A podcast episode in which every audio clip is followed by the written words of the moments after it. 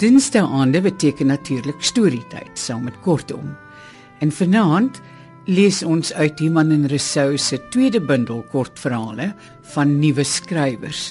Die titel van hierdie bundel is Nuwe Stories 2 en is saamgestel deur Suzette Kotse Meiburg en Letty Klein.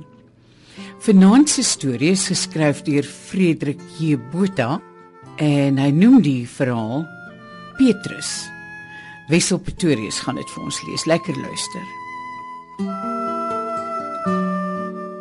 My ouma grootjie, die Rooms-Katoliek of die Romeinse gevaar, soos wat sy dikwels na haarself verwys het, het 'n swart rosary gehad. 'n Bitsnoer met swart kraletjies en silwer kettingkies tussenin met ronde silwer plaatjies met afbeeldings van die verskillende heiliges.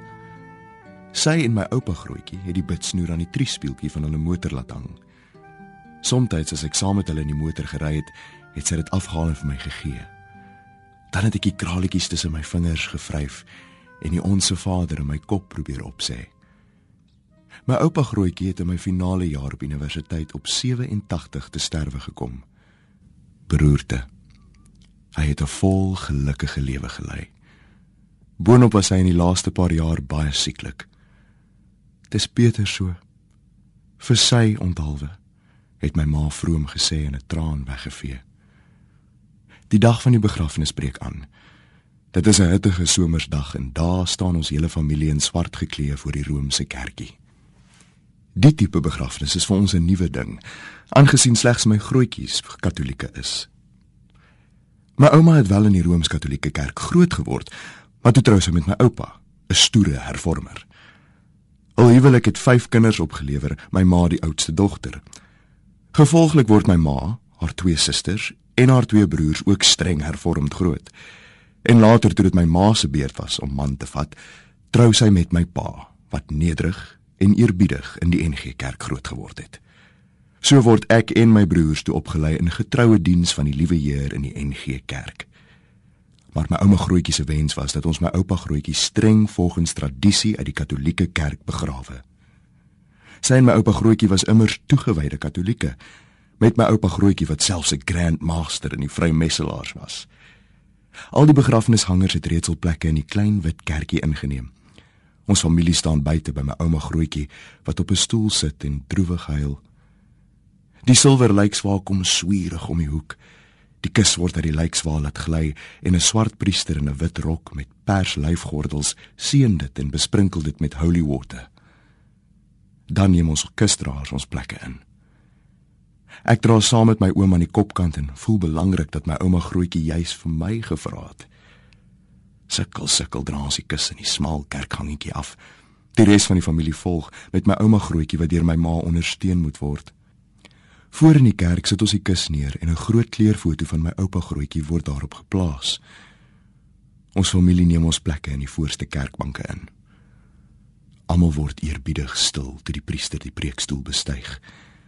Ek verkyk my aan die kruis met die lewensgroot Jesusfiguur wat voor in die kerk hang.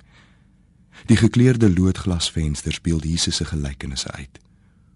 Oral staan beelde van Moeder Maria. Daar word onophoudelik gebid. Die begrafnishangers gaan vorentoe waar nagmaal aan hulle bedien word.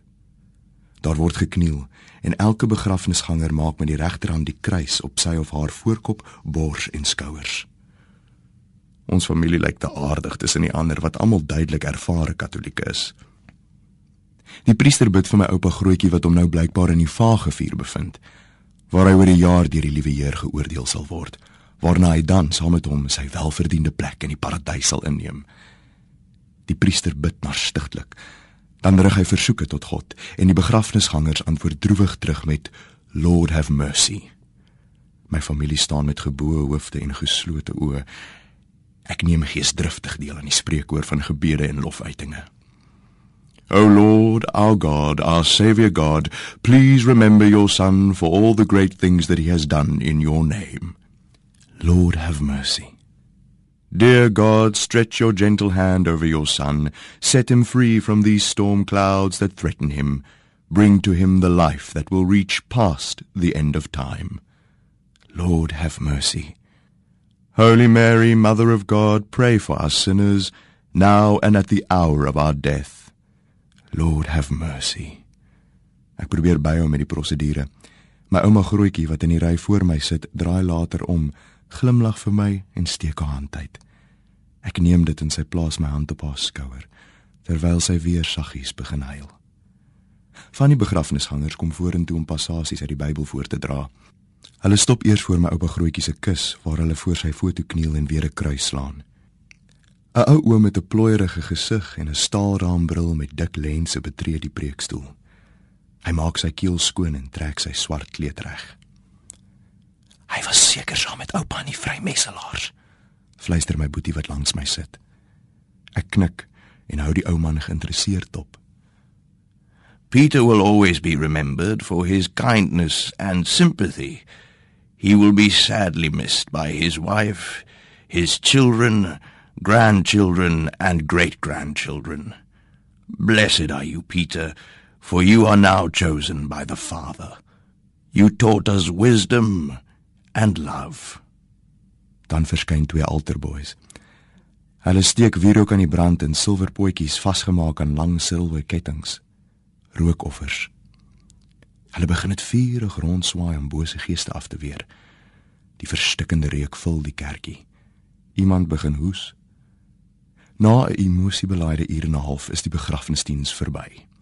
Die begrafnisstoet vertrek na die begrafplaas vir die ter aarde bestelling, waar die priester die graf seën en die verrigtinge tot 'n einde bring met May Peter's soul and the souls of all the faithful departed through the mercy of God rest in peace.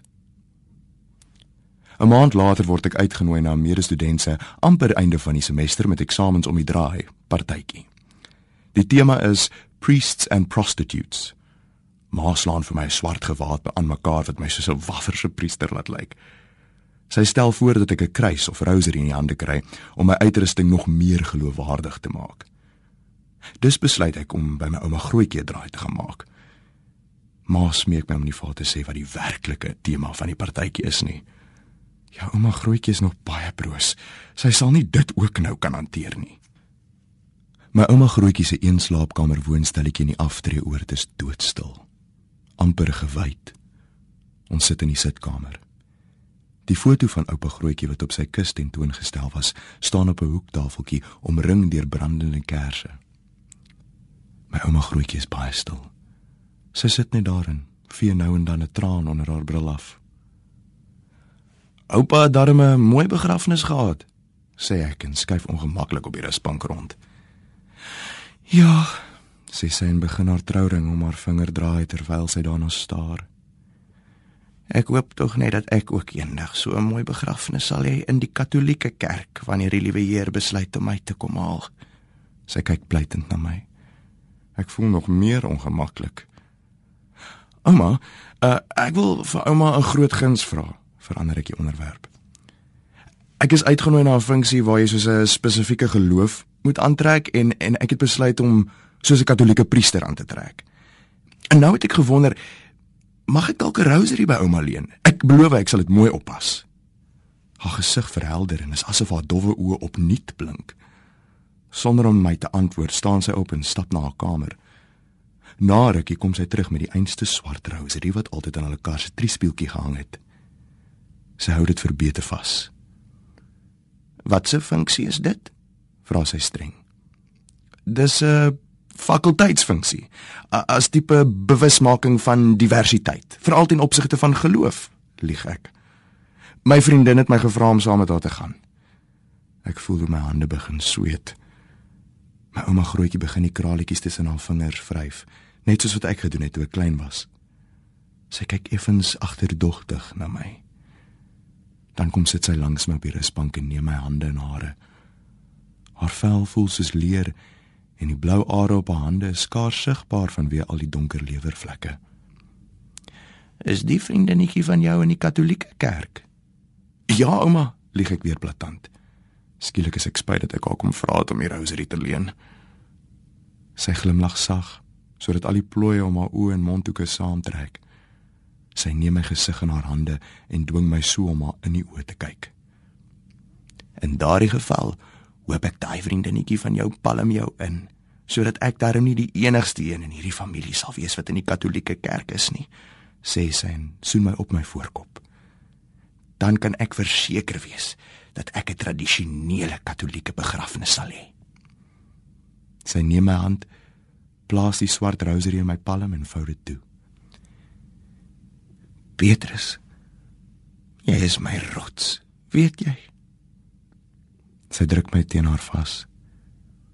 Ek raak bewus van 'n sterk onaangename reuk wat aan haar kleef.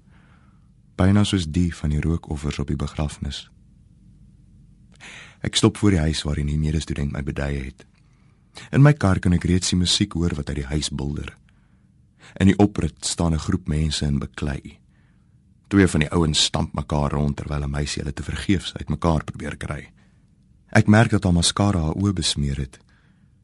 Sy moes gehuil het. My oog vang 'n meisie wat gehurk in 'n bedding kots. Haar vriendin staan agter haar en hou haar hare vas. 'n Groep ouens staan en lag vir haar terwyl haar vriendin hulle vloek en skel.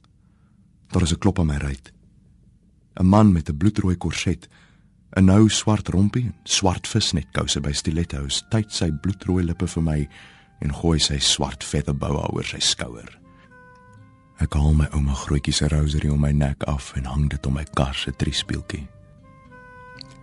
Forgive me, Father, for I have sinned. Brevel ek saggies terwyl ek uit my kar klim. Ek sluit die deur en loop agter die man aan wat uitdagend oor sy skouer vir my loer.